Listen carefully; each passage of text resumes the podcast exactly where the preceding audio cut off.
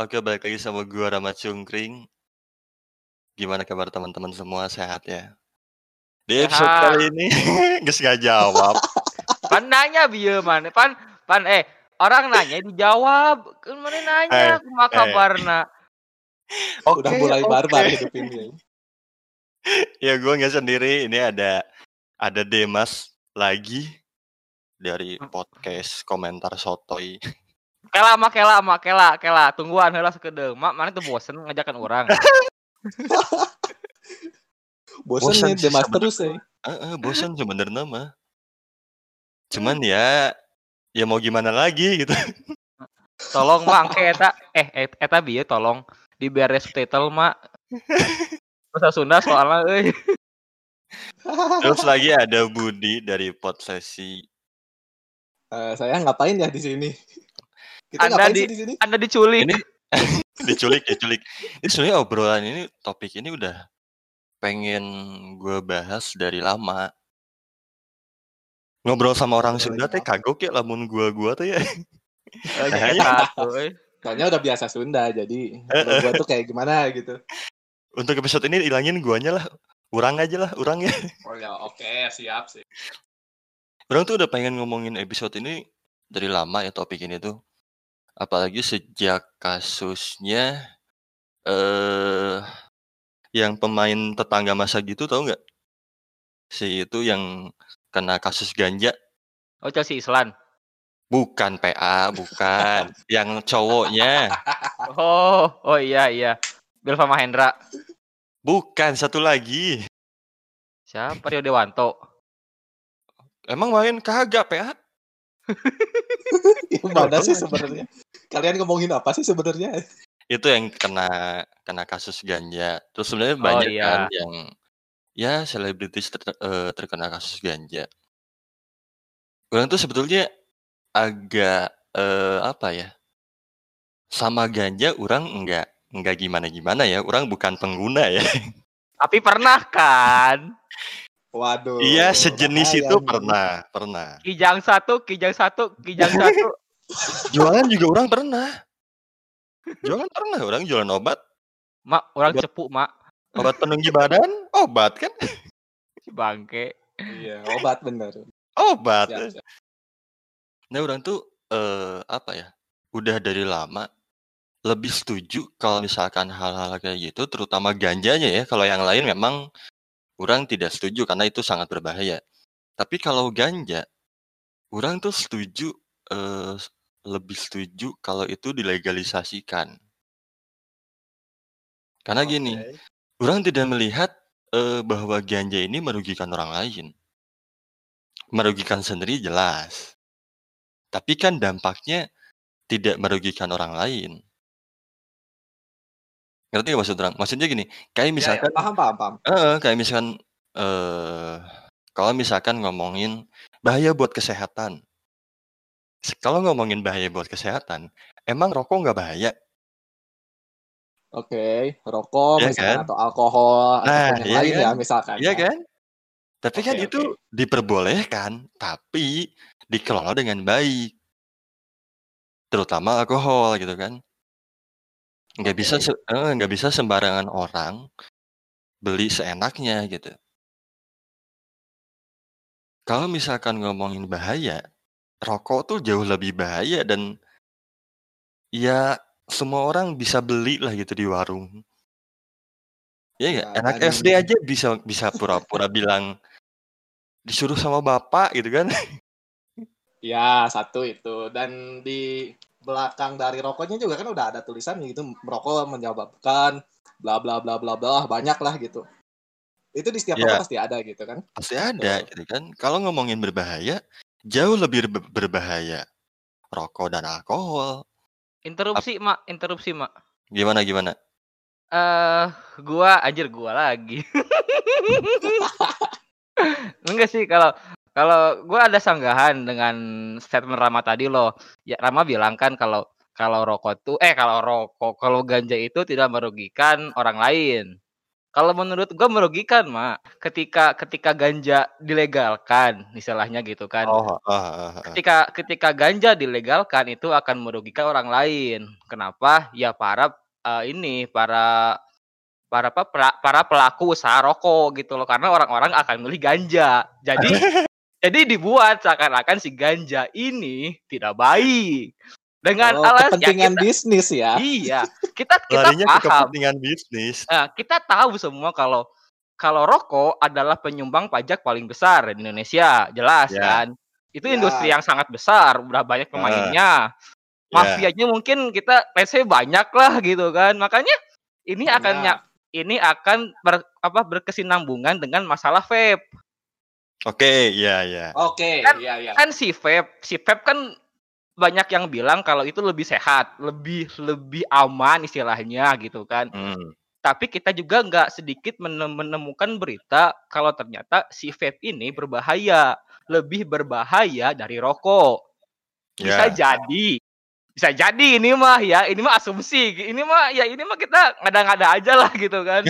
Siapa, siapa tahu di belakang isu-isu tersebut ada beberapa orang yang punya kepentingan untuk menjatuhkan vape agar tidak semakin naik namanya dan industri rokok pun akan semakin berkesinambungan. Mungkin seperti itu, gua nggak tahu. Itu mah cuman sesotoy-sotoynya gua aja anjir. Ya gini. Eh berarti mana lebih cenderung bahwa kenapa nggak dilegalisasikan atau kenapa rokok itu diperbolehkan karena yaitu unsur bisnis gitu kan? Ya bisa jadi gitu. Kalau kalau kalau kita ngomongin masalah ganja lagi kan memang di di mana di luar sana kan di Amerika contoh be- apa beberapa negara bagian sudah melegalkan kan. Ya. Dan itu sudah Ya. sudah sudah banyak yang inilah eh, artis, artis pun main gitu. Mereka mempunyai branding si ganja sendiri gitu loh. Nah, Iya banyak artis yang udah Ah, jualan sendiri. iya banyak. Kan di luar sana juga ada sebuah mungkin sebuah riset bahkan di Indonesia pun ada tuh bukunya kan yang yang mana mereka mempelajari ganja terus mereka apa namanya meriset segala macam dan menyimpulkan bahwa sebenarnya ganja itu adalah sebuah zat yang mungkin tidak terlalu berbahaya dan banyak malahan banyak segi positifnya mungkin bagi pengobatan misalnya seperti itu ya mungkin siapa tahu gu- siapa tahu juga anjir bahaya gua kalau- kayak ah. gini Kalau untuk kesehatan ya orang setuju sih. Maksudnya di sini disclaimer dulu ya di sini kita enggak eh, ngebahas mengaitkan ke agama. Enggak sama sekali Betul. karena kalau mengaitkan ke agama dari kemarin gue baca ada yang bilang bahwa itu haram, ada yang bilang itu makruh sama kayak rokok gitu kan makruh. Jadi orang tidak mau menyangkutkan episode kali ini terhadap sisi agama. ah eta ari ari ari vape Ya. kumaha mah hukum nama Ya orang nggak tahu kan orang nggak baca. Orang kan nggak nyari. rokok makro ganja makro ari vape halal gitu Nah, orang nggak Tapi- tahu. eh, sisa sisa sisa kan dari sano tuh sisa dari sono sisa kan atau sisa kan Iya iya. Eh, itu itu halal apa haram tuh masih sama Ini orang belum baca kalau yang itu. Yang orang baca hanya rokok dan ganja. Mm-mm. Nah, orang tuh maksud orang gini, kalau ngelihat dari sisi kesehatan, mungkin Marane masih ingat kali ya beberapa waktu lalu pernah ada kejadian jadi kasusnya itu si suaminya itu nanam ganja di rumahnya iya iya paham paham Oke, itu eh, untuk pengobatan Oh, istrinya. istrinya mm-mm. Ya. Nah, itu kan eh, berjalan dengan baik gitu kan, terobati gitu si istrinya. Tapi karena di kita memang itu masih ilegal, akhirnya ditahan si suaminya. Ya. Suaminya ditahan dan akhirnya si istrinya kalau nggak salah meninggal kan. iya ironis sih sebenarnya ironis sih Iya, nggak nah, iya. iya mak maksud orang tuh ngelihat keadaan yang kayak gitu. Kalau orang harus bilang masa nggak ada toleransinya gitu. Eh, I- gini, ironis gitu ngelihatnya Iya. gitu. Bahwa itu kan Iya, kalau- tujuannya untuk kesehatan bukan untuk yang lain-lain gitu. Ya, kalau kalau kata orang sih karena memang ganja itu ya, kalau secara tanaman itu kan mirip sama tembakau kalau dilihat-lihat tuh. Heeh. Makanya mirip ini mirip daun singkong Ah, ah, mirip daun singkong. Makanya bisa aja tuh eh, beberapa eh, tukang nasi padang pun sebenarnya ada juga yang mencampurkan Ada, emang ada, ganja. emang ada. Dan orang iya. pernah ada. makan itu gitu. Ya, Even Makanya- di, di di Jakarta pun Pernah. ada. Dulu itu ada di Jakarta tuh rumah makan Padang yang pakai gituan ada. Ada dicampur dari daun singkong sama sama ganja itu. Ya itu Ah. karena memang bikin lebih murah atau lebih lebih naik nafsu makannya atau apalah gitu bahasanya. Cuma yang jadi masalah di sini adalah si ganja ini tuh dia menjadi totally ilegal kan. Itu yang Ya. jadi permasalahannya karena Ah, eh, di balik itu semua kan si ganja ini eh, dalam hal medis juga bisa dipakai eh, untuk mengobati kanker misalkan. Iya. Tapi itu masih ilegal bahkan untuk medis pun gitu. ah. Apalagi untuk penggunaan sehari-hari misalkan kayak ganja yang dilinting kayak rokok ataupun eh, ganja yang dihirup ataupun yang lainnya gitu. Jadi itu yang eh, bikin orang-orang tuh membuat bahwa loh ini tuh sebenarnya ada manfaatnya gitu. Cuma hukum di Indonesia bahwa ini itu totally ilegal itu yang menjadi Iya. masalah dari kita Nah itu gitu maksudnya setidaknya gini lah setidaknya itu dilegalkan untuk memang tujuannya kesehatan gitu untuk pengobatan. Ya, Dan setahu di Indonesia tuh Indonesia tuh ini eh, subur untuk nanam ganja tuh oh subur di, sekali. di, di daerah Sumatera bagian utara tuh wah makanya banyak ladang ganja di sana tuh karena emang tanaman yang cocok ditanam di sana adalah ganja ganja Hmm. bukan bukan padi di sana tuh nah iya maksud orang tuh kenapa untuk eh, apa ya untuk kesehatan aja itu memang masih dilegalkan ternyata kan pada faktanya kan memang itu kan baik buat kesehatan itu bisa menjadi pengobatan gitu pertanyaan orang Iya. tuh Iya, da- eh, ditambah gini ada di luar di luar negeri dulu dulu banget udah udah lama sih ini video lama gitu. Ada sebuah eh, video menayangkan seorang yang menderita Parkinson kalau nggak salah tuh. Parkinson kan dia nggak bisa diem tangannya kan gerak-gerak gimana gitu kan. Nah, si Iya. orang itu bapak-bapak itu eh, dia semacam ngunyah ganja gitu loh. Apa mem- kalau kata orang Jawa mah apa sih namanya tuh? Yang sereh gitu loh, suka di suka dimakan-makan gitu loh. Oh, iya. minang minang Heeh, gitu-gitu kan. Nah, si bapak itu langsung ya sembuh gitu, sembuh be- beberapa beberapa saat. Kemudian setelah efek ganjanya hilang, ya dia mulai lagi, eh, mulai Parkinson lagi gitu loh. Itu Ya, mungkin di iya. luar negeri. Nah itu untuk untuk oke lah untuk legalisasinya ya. Nah sekarang yang menjadi eh, keresahan orang ya salah satunya adalah kemarin kebetulan teman gue ketangkep. Teman orang Ah. ketangkep karena ganja. pengguna ganja. atau pengedar atau pembuat Pengguna. atau- Pengguna pengguna oke yang ditemuin cuman dua linting. Oke ya, Harganya berapa Jualin. mah harganya, Mak? nggak tahu lah, orang nggak nanya. Eh, masih sepuluh ribu nggak tuh? Dia cuman punya dua linting. Tapi yang orang nggak enak ini juga pernah dibahas sama beberapa youtuber lah gitu terhadap beberapa kasus. Kenapa sih eh, pengguna nar- narkoba ini ketika disorot sama media dia tuh ganja ya terutama bukan narkoba ganja dia tuh dipertontonkan seakan-akan dia tuh penjahat gitu. Oke framingnya gini ya sih. seolah-olah Ah, ah. seperti itu Tapi Oh. tapi tapi kalau kita ngomongin masalah secara luas, eh, misalkan para para pelaku ya gitu, para penikmat gitu lah istilahnya. Eh, yang yang gue lihat adalah yang gue sadari adalah ketika seseorang yang bukan siapa-siapa nih out of nowhere dia ketahuan ngeganja misalkan dia akan di framing sebagai dia seorang pelaku, pelaku pejahat- kejahatan gitu kan dia sebagai sebagai kriminal gitu tapi akan Oke. berbeda akan berbeda framingnya ketika misalkan let's say orang-orang yang mempunyai nama lah gitu Selebritis saya. Iya, kan kita tahu lah selebritis kan mempunyai privilege lebih gitu kan. Nah, yang yang lucunya adalah ketika di Instagram aja nih misalkan ada, ada atau di Twitter ada berita eh, si Anu pakai ganja tuh. Kalau artis yang jadi itunya artis, headline-nya artis, itu komenannya tuh pada ngedukung gitu. Ah, itu mah hilaf. Ah, itu mah eh, dia terjer apa terjebak terjebak ke dalam jalan yang salah gitu Oke. namanya juga namanya juga man- Oke, oke. namanya juga manusia gitu tidak selalu benar ada salahnya. Tapi ketika orang biasa ketahuan langsung dihujat habis-habisan. Wah lu kriminal wah lu perusak bangsa wah lu kagak punya akhlak. Kan tolol. Iya gitu, maksudnya ini bakal nyambung ke ya ngebahas sedikit tentang pandangan orang-orang di sekitar lah ya terhadap hal ini gitu. Maksud orang tuh gini, ini sama sebenarnya kejadiannya terhadap apa pun ketika orang yang dia suka, kalau misalkan dia ngelakuin kesalahan, dia masih fine-fine aja gitu. Entah itu ngeganja lah atau apa pun, masih mendukung. Tapi ketika jatuh sama orang yang dia nggak suka, terus lagi padahal kasusnya sama, menghujat habis-habisan gitu. Banyak orang yang eh, bilang ke orang gitu ya, enggak Ram, bah, eh, di Indonesia belum siap untuk menerima hal-hal kayak gini. Ini masih terlalu tabu. Terus lagi kayak prostitusi ya. Itu masih hal yang sangat tabu gitu.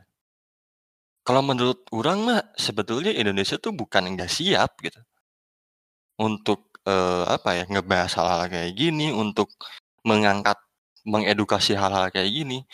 Buat orang emang menolak untuk siap kayaknya orang-orang di Indonesia mah gitu. ya Ya. jangankan jangankan untuk Ya. hal seperti itu mak misal misalkan ini aja lah kita mah ke masalah yang ringan aja gitu semisal masalah sex education aja kan seperti dianggap tabu anjir di kita tuh kayak kayak anak kecil dibilangin dijelasin masalah vagina penis segala macam stigma orang-orang kita tuh udah udah apa ya anjir ini mah negatif belum waktunya masih kecil kasih tahu. Padahal kan Ah. itu pelajaran sex education kan emang dari kecil. Kita kita banyak lah kita banyak tahu berita banyak anak kecil yang dilecehkan gitu kan menjadi Ya. korban perkosaan pencabulan kan. Itu karena ya karena kurangnya sex education itu. Nah kenapa kurang? Ya karena bangsa kita itu ya masih kayak gitu aja. Ah itu mah nanti aja sex education mah nanti dia tahu sendiri udah gede dia belajar sendiri padahal kan nggak gitu juga harusnya kan kita eh, apa namanya sebagai orang yang lebih tua gitu misalkan punya anak gitu ya kita harus bisa dari kecil ngasih tahu kalau ini tuh bagian yang terlarang istilahnya gitu kan. Jangan Ah, jangan Ya, ya. sampai bisa dijamah oleh sembarang orang gitu kan. Ya harusnya kayak gitu sih mak. Iya maksud orang tuh ya apa ya kayak menolak untuk siap gitu orang-orang kita tuh bukan bukan belum siap menurut orang. Mm. Iya ya. Ba- Dan gini loh, pola polanya tuh ya. eh, di kita tuh mau kita misalnya bahas tentang narkoba atau bahas ganja, bahas seks atau bahas ya sesuatu yang tabu ya misalkan. Sebetulnya di dalam kajian ilmiah mengenai masing-masing bahasan itu, itu ya mereka damai-damai aja gitu. Misalkan bahas tentang si cannabis, si ganja ini eh, keuntungannya ini loh gitu. Kalau penyalahgunaannya seperti ini, kandungannya seperti ini, maka baik untuk kesehatan di bagian ini. Tapi kalau berlebihan seperti ini, dalam Ya. kajian ilmiahnya udah bagus.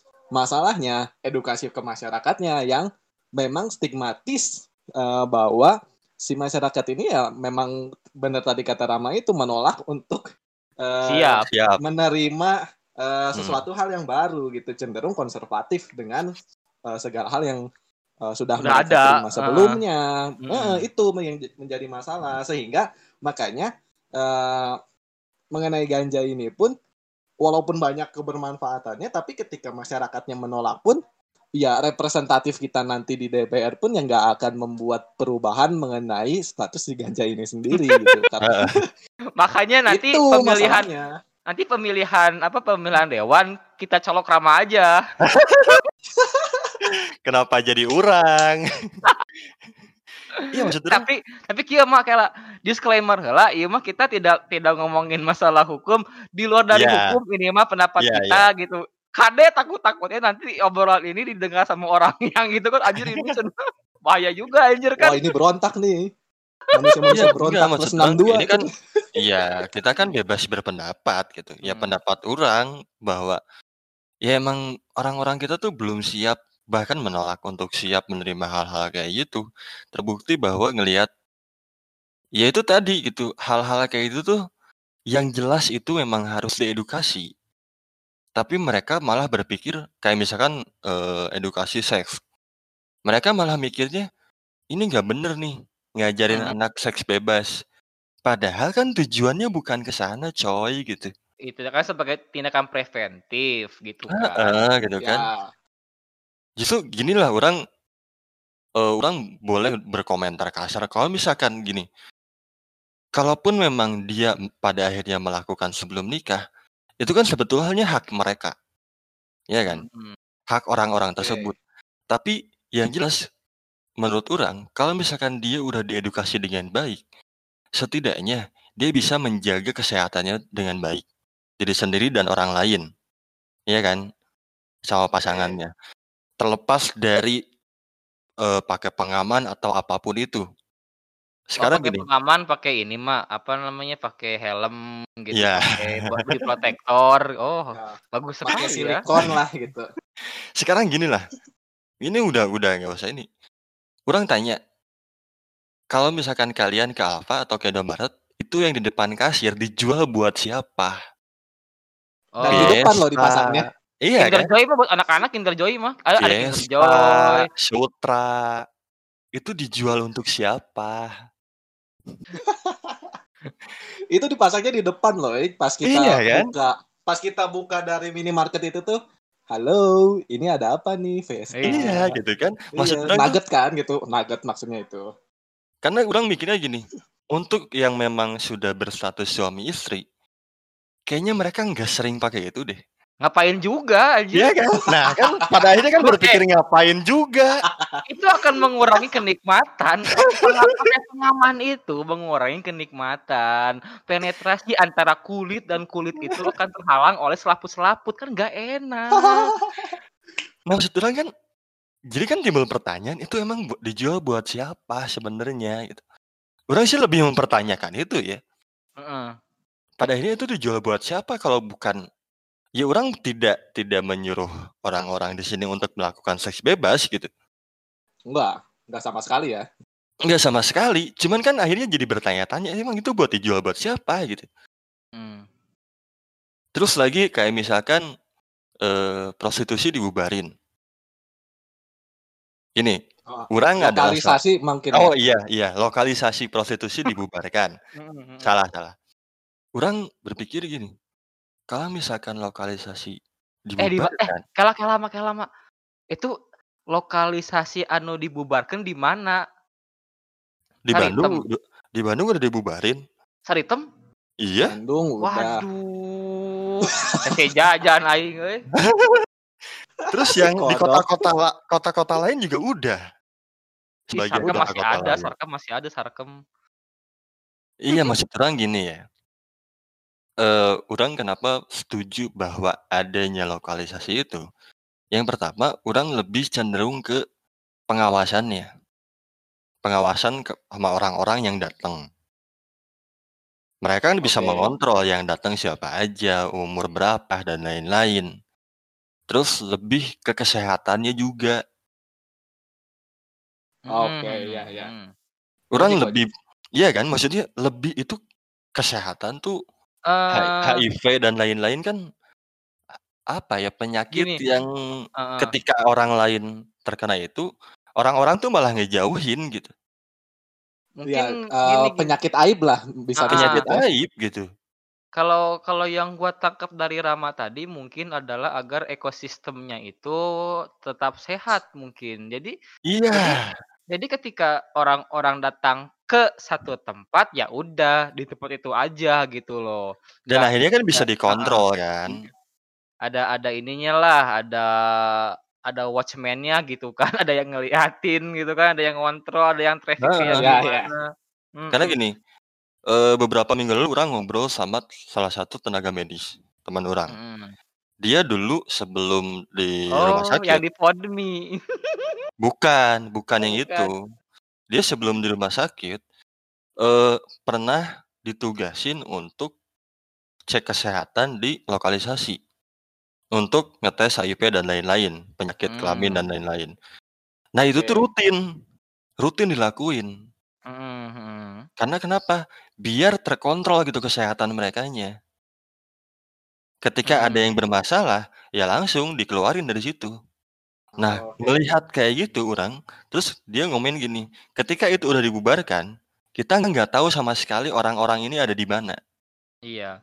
Yang Iya, open BO, jadi open BO jadi gitu nyebar kan. ke mana-mana sih sebetulnya Nyeb kan. iya, Heeh. jadi nyebar ke mana-mana, yang akhirnya menurut orang, ketika salah satu dari mereka belum sempat dikontrol dan lain-lain, pada akhirnya dia memang sakit, akhirnya kan menyebarkan penya sama aja menyebarkan penyakit gitu.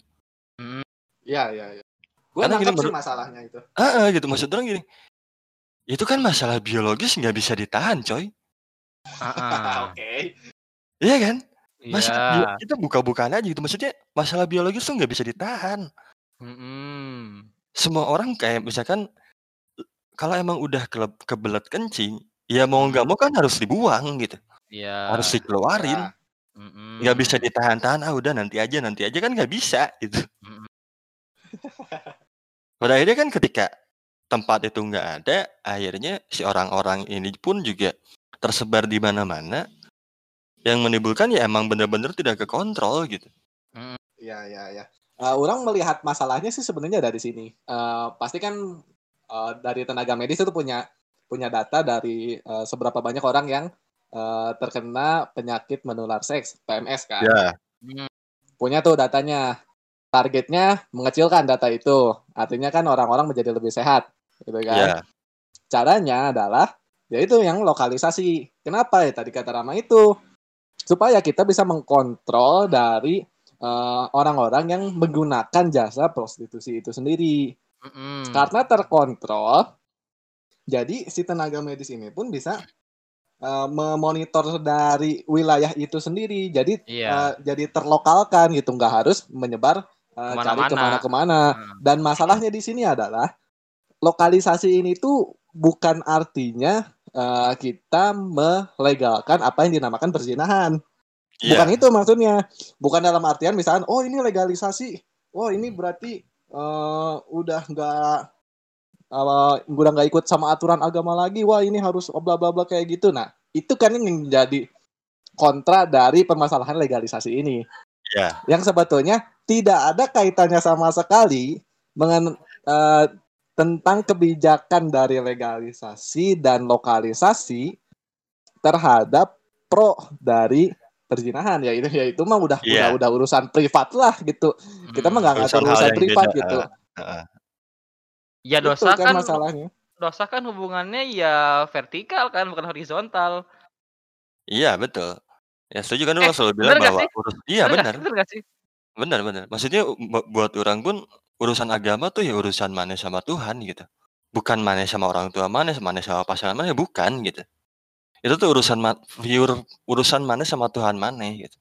Kalau buat orang, makanya kalau misalkan mengaitkan terhadap hal itu, kayak misalkan gini deh, orang bahas sedikit dulu. Eee, pasangan orang tenaga medis. Terus teman orang juga ada yang tenaga medis yang memang sering kali ketemu sama orang-orang yang terkena HIV. Oke. Kayak contohnya dari pasangan orang, dia kan bidan persalinan. Ya. Ternyata Oke. si ibunya ini terkena HIV. Nggak tahu sama sekali dari mana. Orang nggak menuduh bahwa suaminya atau apa pun itu ya, tapi kan bisa aja.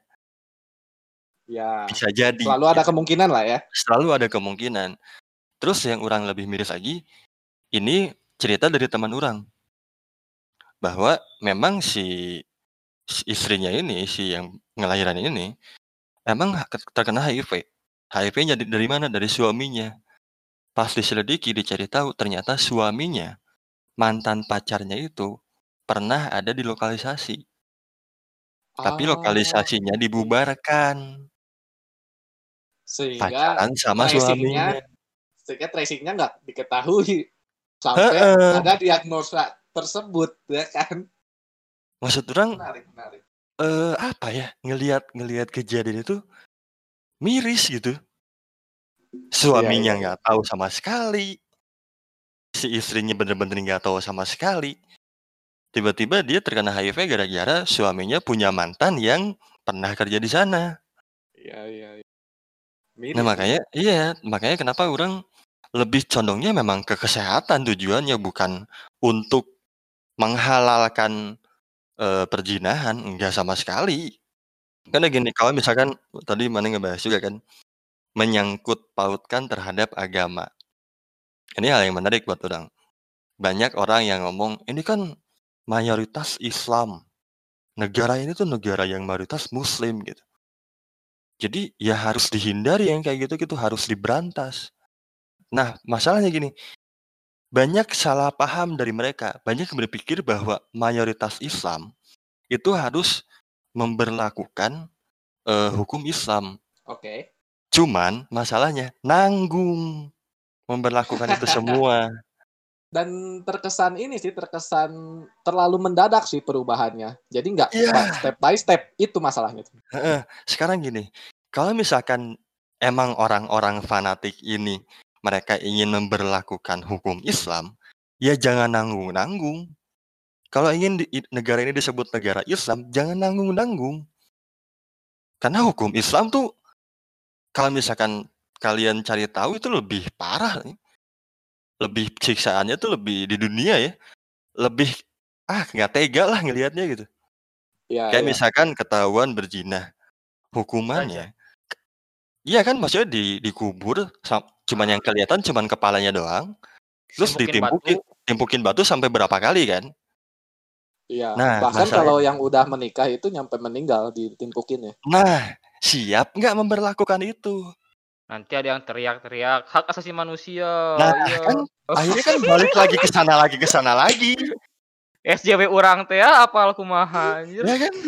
SJW Padahal kan balik lagi ke ya? sana lagi ke sana lagi gitu. Jadi semuanya tuh serba nanggung gitu. Nggak gini deh, eee, orang pernah ada di posisi yang, Oh, konservatif pernah seperti itu iya? ya. Oh, pem oh, Mas Budi pernah pernah jinah gitu, Mas Budi? Bukan gitu, Orang kakara apal. Tidak seperti itu, Jainuddin. Tolong didengarkan dulu ya, bengset. Gini gini. Orang pernah ada di posisi, eee, orang-orang yang konservatif kayak gitu. Sebetulnya niat mereka baik untuk, Iya. eee, simpelnya untuk menolakkan apa yang dinamakan perzinahan, Iya, gitu kan. Cuma caranya terlalu tidak step by step atau caranya itu kayak terlalu ekstrim gitu. Misalkan, eee, oh ini ada ada banyak kasus tentang prostitusi misalkan. Cara mereka adalah, "Oh ini prostitusi harus langsung ditutup semua tanpa terkecuali, perzinahan tidak diperbolehkan, bla bla bla bla." Oke, misal kalau kita lakukan seperti itu, satu, yang mantan pekerja seks di luar sana kan itu juga butuh apa yang dinamakan nasi, apa yang Ya. eee, Sandang pangan kehidupan. papan. Ya. Betul, dan tidak bisa langsung di eee, subsidi secara terus-menerus sama pemerintah kan gitu. Heeh. Dan harus ada penyesuaian dan yang kayak gitu tuh nggak 1, 2 gitu. Orang kayak gitu tuh bisa mungkin puluhan ribu atau ratusan ribu orang yang bekerja berkaitan dengan dunia seperti itu. Heeh. Dan tidak bisa langsung, "Wah ini nggak boleh langsung seperti itu." Nah, misalkan kalau mau mendukung dengan target yang bisa menolakkan seperti itu, ya caranya pelan-pelan aja gitu. Pertama, dari yang asalnya menyebar ke mana-mana, jadi dilo lebih dilokalkan. Nanti yang lebih dilokal udah dilokalkan, nanti persyaratannya misalnya ditambah. Misalkan yang masuk ke lokalisasi itu tuh harus di atas 18 tahun, terus Ya, tidak itu boleh menikah iya. misalkan, yang kayak gitu-gitu kan. Nah, sehingga nanti target mereka yang dari eee, untuk memberantas perzinahan itu tuh pelan-pelan gitu, nggak tiba-tiba langsung Iya. tutup. Semakin tutup. mengkerucut lah jadinya. Iya, semakin mengkerucut mengkerucut gitu, nggak tiba-tiba, "Oh kamu pekerja seks ya, kamu kafir." Kan nggak kayak gitu gitu cara kerjanya. Ah, Iya Jadi kan? orang tiba-tiba banyak Heeh. mengkafirkan orang gitu, gimana? Iya kan it itu juga kan bukan kemauan mereka sebenarnya. Mereka ingin hidup normal-normal, cuman kan terini oleh kehidupan. Ya mereka sudah berusaha mungkin kita nggak tahu, eee, apa namanya, kehidupan orang-orang kan kita nggak ngalamin sendiri ya. Yang tahu pedihnya kehidupan kan orang itu sendiri. Para pelaku PSK itu kan siapa tahu mereka sudah berusaha sekuat tenaga untuk bertahan tapi tidak bisa menemukan jalan keluar. Yang yang bisa dijadikan sebagai salah passion itu ya sebagai pekerja seks komersial gitu. Jadi ya Iya. itu sebenarnya bukan kemauan mereka mungkin, ya cuman mereka akhirnya mau nggak mau gitu loh. Ya. Iya maksudnya ya sampai ini kan sekarang kalau menurut orang kasus yang baru-baru ini keangkat lagi prostitusi online itu gara-gara lokalisasi dibubarin. Iya. Makanya jadi nggak terkontrol terus eh, si prostitusi beralih ke online yang di mana hukum itu sulit untuk mengatur hal-hal yang berbau online Iya. karena sangat Ya, kita- sangat amat abu-abu gitu untuk di Kita dunia tahu. online tuh. Kita tahu IT itu kan sangat sangat itu ya, sangat karet ya. Gak ikutan saya, gak ikutan. Iya maksud jadinya IT, kan dampak ITE. kalau menurut orang kan ya sekarang adanya proses prostitusi online ya karena lokalisasinya dibubarin. Iya, Ya menurut Benar, orang kayak ini adalah kasus yang nggak akan pernah ada habisnya. Nah, nah Iya. tapi mak ngomongin masalah prostitusi online, mak, orang Hmm, orang agak ini sih agak agak bertanya-tanya eh nah, ngaranna teh standar hargana kumaha yang yang menjadi standarisasi untuk harga si prostitusi online ini apa gitu. Berapa sih standar biayanya gitu. Say kita lihatlah si kemarin tuh si si FA si Vanessa Angel kan sampai 80 juta nih ya kan? Ya. sedangkan si Hana Hanifah cuma 20 juta. Padahal kan dari bodinya dari lain-lainnya bagus si Hana Hanifah kenapa malah si Hana lebih murah? Kalau gue mending si Hana daripada si Avanesa anjir. Ya itu sih sebetulnya orang nggak tahu ya standarisasinya dari mana entah itu dari manajemen atau apa pun ya. anjir manajemen Ya kan memang pasti ada lah yang kayak gitu-gitu kan. Mucikarinya kan mengatur itu semua. Jadi orang nggak tahu kalau untuk sistem itu kayak gitu-gitu. Cuman yang harus digarisbawahi adalah ya dampak eh, membubarkan lokalisasi ini sebetulnya malah jadi makin besar masalahnya. Dan yang harus diingat kalau misalkan ngomong itu sih ini tuh nggak akan pernah ada habisnya. Ya. Nggak akan pernah kelar. Mau berusaha mau kayak gimana pun karena itu adalah kebutuhan biologis pada susah gitu. Kan ya itu udah jadi dari- lingkaran setan semuanya. Iya, kalau- dari Iya, zaman dulu tuh udah ada gitu loh. Nah. Dari zaman dari zaman manusia masih berangkat dengan tangan masih udah ada itu. Iya. Nah, makanya kan harus dikasih tahu edukasi seksualnya seperti apa gitu. Sekarang kalau misalkan nge eh, ngeberantas atasnya dulu tapi akarnya dibiarin, ya nggak akan kelar-kelar gitu. Tumbuh lagi tumbuh lagi. Iyalah. Ya. Sekarang ketangkap satu, yang lain masih kecil, tiba-tiba berapa tahun kemudian kena lagi, kena lagi.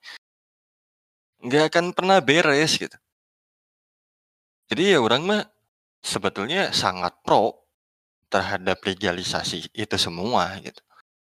Lokalisasi diadain lagi, di- lebih dikontrol, terutama terhadap kesehatannya. Orang miris kasihan beneran dah. Lebih ke eh, kesehatannya tuh bener-bener nggak bisa dikontrol sama sekali kalau dibubarin. Iya, iya. Terus ya pandangan orang-orang di sekitar pun memang mindsetnya mau nggak mau. Kalau menurut orang ya kita harus bisa menerima itu semua gitu. Mm-mm.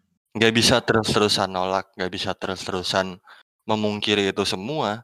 Kayak hal gini deh. Eh, ini sebenarnya kasus kasusnya beda ya.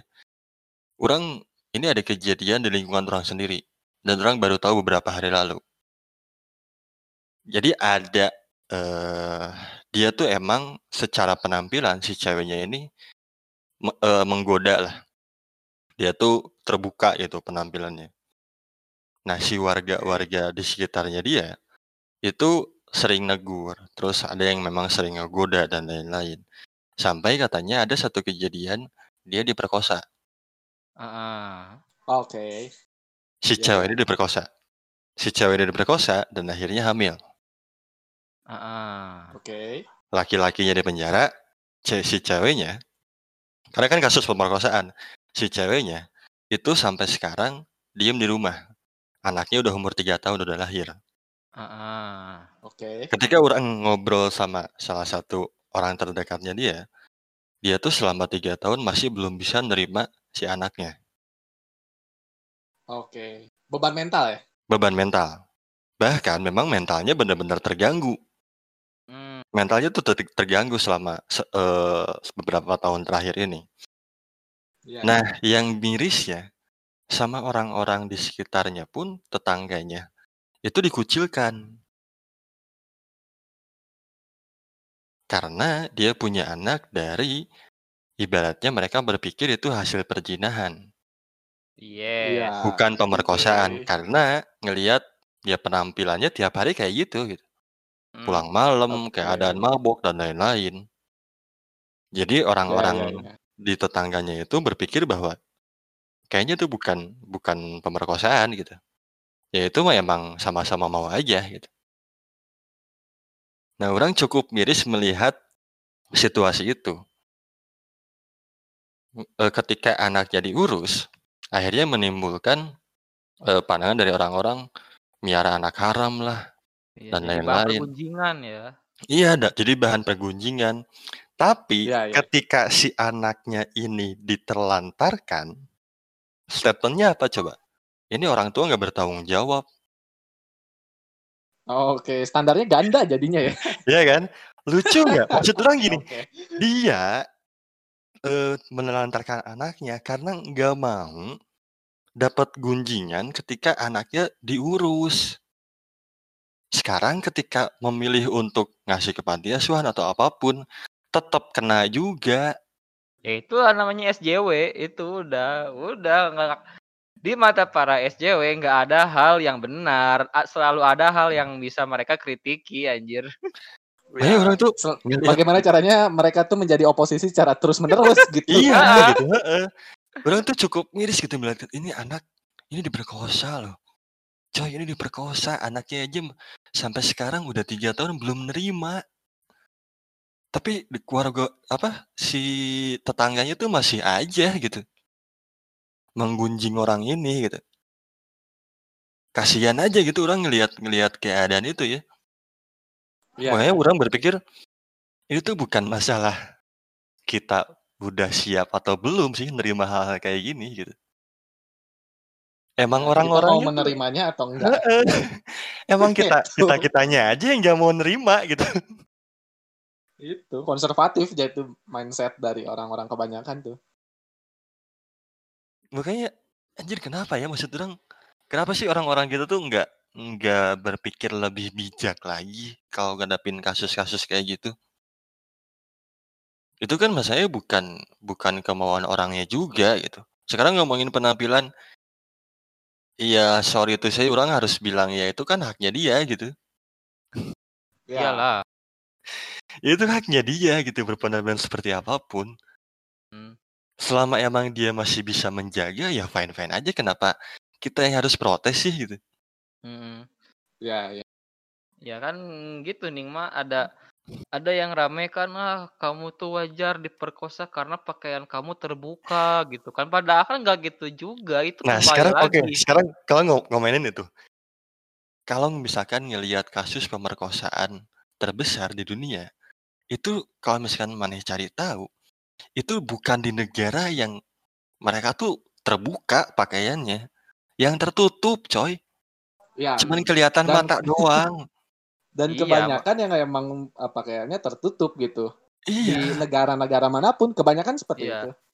Iya, Dan makanya kan tadi gua bilang ya kembali lagi itu ketika ada yang apa, ketika ada cewek pakai pakaian seksi ataupun tertutup pakaiannya, kalau kalau pikirannya udah kotor, ngelihat, eee, cewek dengan pakaian tertutup seperti apa pun ya bakalan tergoda untuk begitu kan. Beda Iya. lagi kalau dia udah mempunyai apa, na namanya dia tidak akan tergoda dengan pakaian cewek yang terbuka pun ya kembali ke orangnya gitu mah. Ada cewek seksi, kita kuat ya nggak akan sampai berani untuk perkosa, tapi kalau orangnya udah bejat, udah bejat nih, pakai sesyar'i apa pun tetep bakal dikejar, tetep bakal Nah. dicari-cari gitu. Nah ini salah satu hal yang orang nggak suka lagi nih, yang orang apa ya, kesel gitu ngelihat perspektif ini. Bahwa hal-hal kayak gitu yang disalahkan yang disalahkan tuh cewek. Iya, korbannya jadi salah. Padahal kan Ya, dia korban cuy. salah mereka. Ya karena ya kan merekanya juga pakai pakaian seksi. Hey coy, gua nih ngelihat cewek depan gua pakai bikini, nggak akan gua apa-apain. Iya. ya ya udah gitu Ya udah biarin aja sih emang kenapa Ya udah, gitu. itu mah rezeki nikmati aja ya Karena udah ya orang-. Enggak maksud orang, Setan. ya kalau orang melihat itu di depan mata orang, ya orang biarin aja enggak orang tiba-tiba bawa ke kamar. Karena ya Paling orang jadiin bahan coli. enggak juga coy. itu anda mungkin ya. Karena maksud orang, ya orang berpikir dengan jernih gitu. Enggak tiba-tiba ngelihat cewek kayak gitu dibawa ke kamar, enggak juga coy. Masa- Masalahnya orang-orang tuh lebih berpikir ke sana gitu. Kenapa yang disalahinnya tuh malah ceweknya? Aneh gitu orang mah. Kesel Ya, aja ya, gitu ya. melihat hal-hal kayak gitu tuh masih aja sampai sekarang yang disalahin tuh ceweknya. Ya mungkin kembali lagi Ya. ke kita yang apa namanya yang memegang adat ketimuran mungkin di mana di mana ya normanya kan di kita tuh harus tertutup Oke. gitu. Oke. Gitu. Kan siapa tahu kayak gitu orang-orang mikirnya oh ini kita kita orang Asia nih. Kita kita orang-orang yang tertutup nih. Kita harus Oke. harus hakun segala macam kan goblok. Orang nanya ke Budi aja deh. Orang nanya ke Budi aja, Bud. Kalau kata dia Mas eh, berpikir bahwa kita eh, adalah budaya timur, budaya barat emang gak kita ambil juga? Nggak, gi- gini gini loh Em, Coba. gini gini gini. Gini eh, gua agak agak jelasin dulu sedikit dari bawah ya. Eh, masalah masalah eh, mengenai pemerkosaan ini itu kan sebenarnya kalau kita kaitkan dengan budaya timur atau barat anggaplah kita mengambil budaya dari timur karena kita Indonesia gitulah gitu. Ya, mungkin oke. perspektif dari Demas misalkan ya. Eh, kita kan di timur gitu oke kita pakai perspektif orang-orang timur. Budaya orang timur adalah oke pakaian tertutup eh, terus menjaga sopan santun. Di sini nih dua kata kuncinya. Pakaian tertutup menjaga sopan santun. Oke. artinya akhlak lah di sini lah. Ah, menjaga sopan santun tuh. Pakaian sama akhlak. Oke. Cewek itu punya hak kontrol atas pakaian. Misalkan kalau dalam eh, kasus seperti ini dalam kasus pemerkosaan atau ah, free sex atau apa pun itu ya. Cewek punya hak kontrol. Dia mau pakai baju yang tertutup, jilbab panjang gamisan, atau mau pakai hot pants terus make singlet terserah bebas itu kan. hmm, Oke, masalah yang kedua adalah akhlak. Akhlak ini nggak cewek doang yang kontrol, cowok cowok juga. juga. eh, eh. cowok juga semua orang nih budaya timur itu kan menjunjung tinggi akhlak ya Kita nggak kita nggak bicara tentang agama nih. Mau agama apa pun budaya timur tuh menjunjung tinggi banget gitu mengenai perilaku kita terhadap orang lain. Ah, masalahnya akhlak inilah yang sering eh, jadi setan untuk kasus seperti ini seolah-olah akhlaknya tidak tidak dikontrol sama sekali dan menyalahkan si faktor yang tertutup ini. hmm, Jadi si, si faktor tertutup ini menjadi menjadi eh, kambing hitam gitu karena banyak kasus yang pemerkosaan terjadi pada cewek yang berjilbab atau bahkan bergamis juga ada gitu. Dan bukan ada sih, banyak, Banyak. biasanya tuh. Banyak. Karena gini loh, itu kan adalah satu satu apa ya satu uh, fitrah dasar dari cowok mungkinnya misalnya kalau ada sesuatu hal yang tertutup pengen tahu lah gitu itu kan masalahnya tapi akhlak ini yang dia uh, tidak bisa mengontrol dari sifat dasar dari seorang cowok itu dan itu Betul menjadi sekali. masalah utama dari bagaimana adanya pemerkosaan yang sangat tinggi gitu meskipun meskipun memang budaya timur menjunjung tinggi mengenai pakaian tertutup dan itu bagus gitu. Kita nggak ngajarin bahwa cewek-cewek di sana "Oh, udahlah da- eh, daripada risiko pemerkosaan menjadi semakin tinggi mending pakaian terbuka aja. Tidak seperti itu ya mindsetnya tolong. Tidak seperti itu. Tapi adalah menjadi suatu kebebasan untuk kalian berpakaian walaupun jika kalian berpakaian para cewek nih, kalau kalian berpakaian dengan terbuka, kalian harus menghadapi kritikan dari orang-orang sekitar bahwa kita menjunjung tinggi budaya timur yang pakaiannya tertutup. Dan itu kritikan adalah boleh. Karena kritikan itu kan ya ya udah gitu. Siapa pun berhak mengkritik siapa pun juga berhak mengkritik balik. Dan Hmm. siapa pun berhak menerapkan kritik-kritik yang dilontarkan ataupun menolak. Sesimpel itu kan Hmm. Cuma ya itu akhlaknya ini. Akhlaknya ini yang emang harus dibenerin gitu. Baik itu dari cewek ataupun dari cowoknya itu sendiri. Yang cowok tolong jangan merealisasikan apa-apa eh, yang ada di pikiran kotor kalian. Kalau pikiran kalian kotor jangan direalisasikan. Tuh dengerin kalau cowok kotor. ya tidak kotor kok. Aku sering pakai rinso kalau mandi biar bersih. Aku kalau aku kalau minum pakai sunlight kok biar lemak-lemak hilang. Oke oke lanjut. siap dietnya pakai sunlight ya Iya. Ide bagus bangsat. nah, yang yang cowok ini tolong jangan direalisasikan pikiran kotor kalian. Nah, yang cewek ini tolong jangan menjadi pemicu untuk merealisasikan pikiran cowok itu. Ya, ya itu Itu lebih adil sih. sih. Maksudnya ngasih tahu dua-duanya lebih adil. Iya, makanya dari kasus seperti ini tuh banyak yang di banyak yang dikambing hitamkan adalah cewek. Terus eh, padahal tersangkanya cowok. Tapi nggak menutup kemungkinan dua-duanya salah karena memang akhlak dari dua-duanya juga udah nggak bener gitu. Heeh. Tidak Betul. akan ada asap kalau tidak ada ap- ada api gitu ya.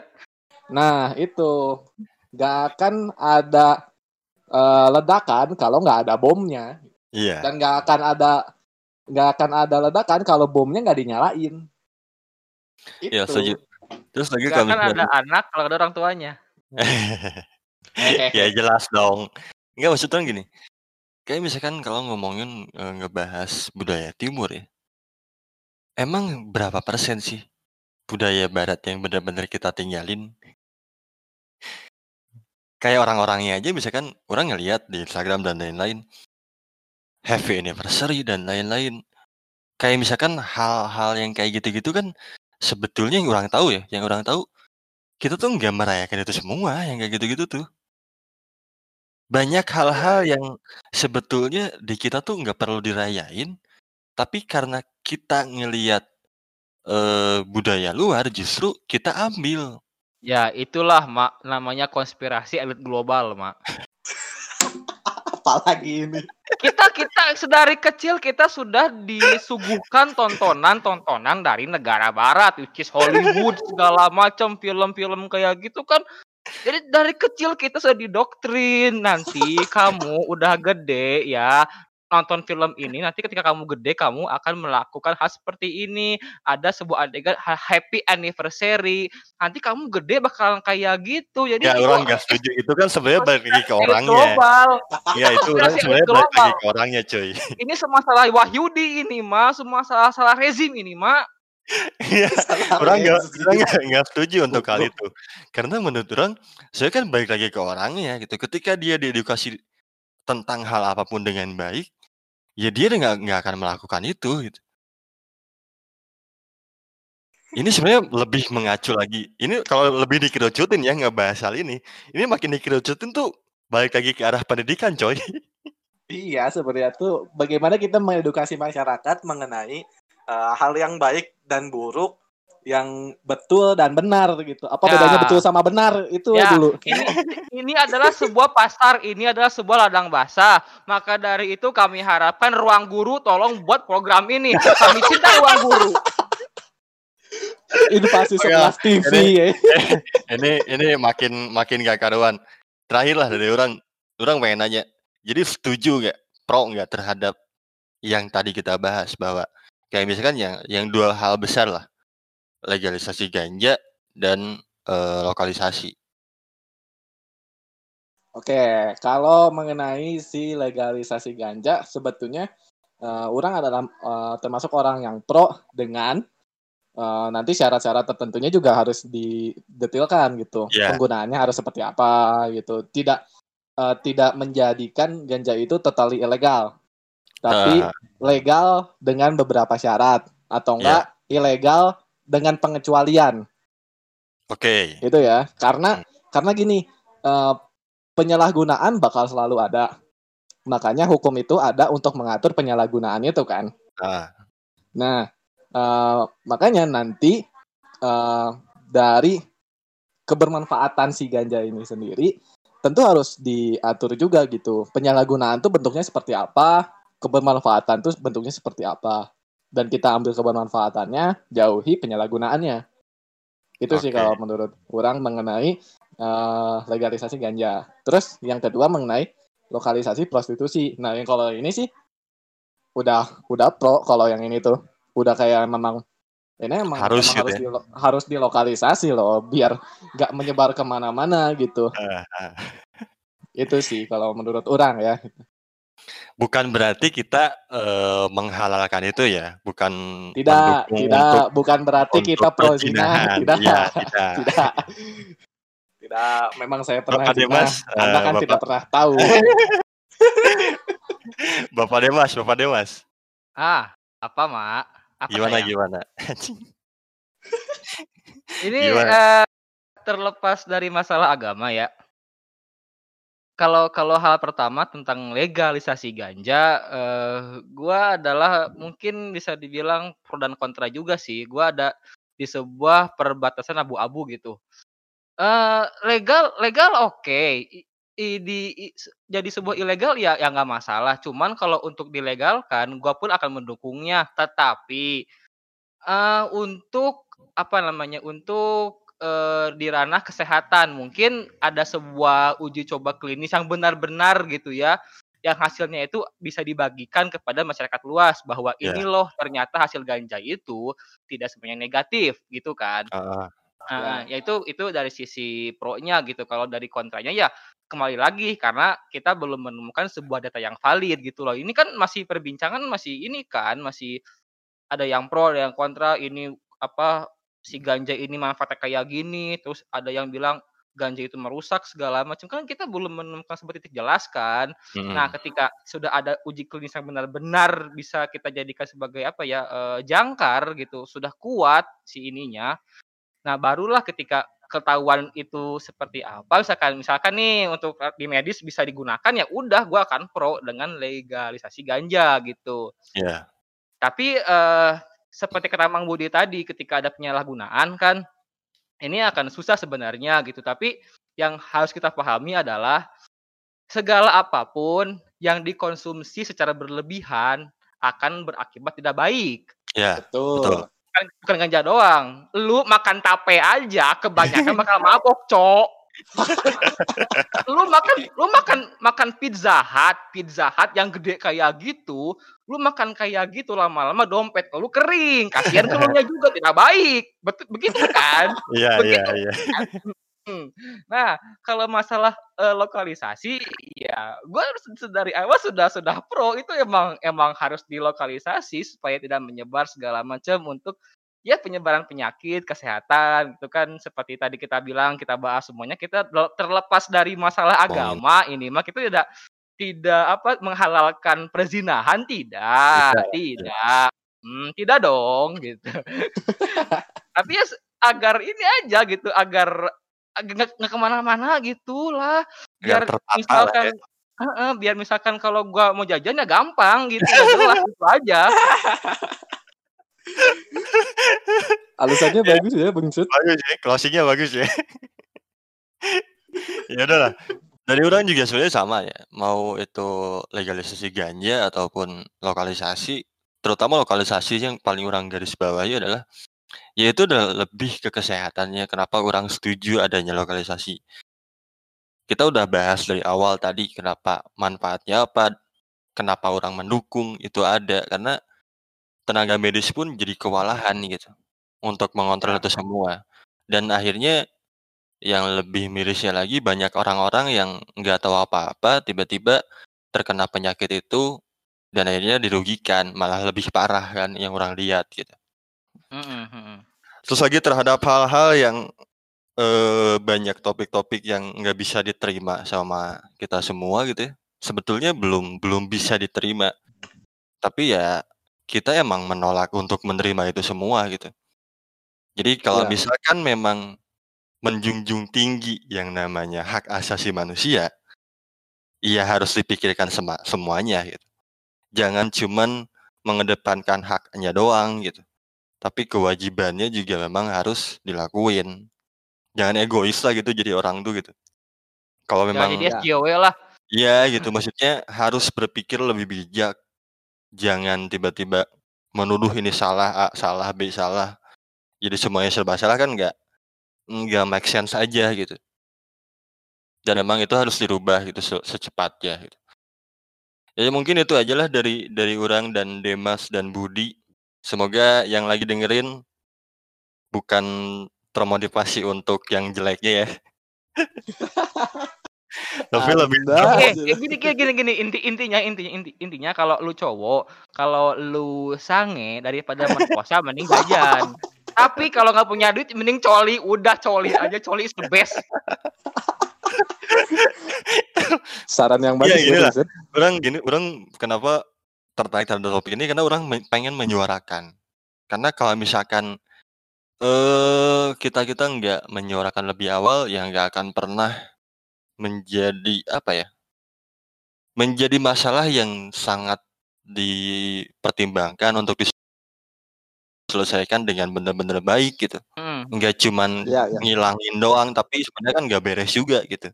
Ya itu aja sih kenapa orang mengajak eh, teman-teman ngobrolin ini dan teman-teman yang dengerin juga mudah-mudahan harapan orang sih menyuarakan aja sih. Biar kenapa? Biar difokuskan, dipikirkan, biar enggak gimana nih caranya memperbaiki ini semua gitu. Lebih ke sana aja gitu.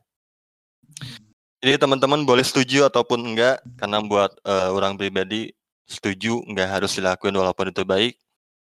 Terakhir dari orang, Demas dan Budi, bahagia sendiri buat apa? Rasa sendiri itu kan gak nyaman. Thank you Budi, Demas. Oke, kembali kasih untuk para pendengar TTM Podcast. Oke, kita bertiga pamit. Assalamualaikum warahmatullahi wabarakatuh.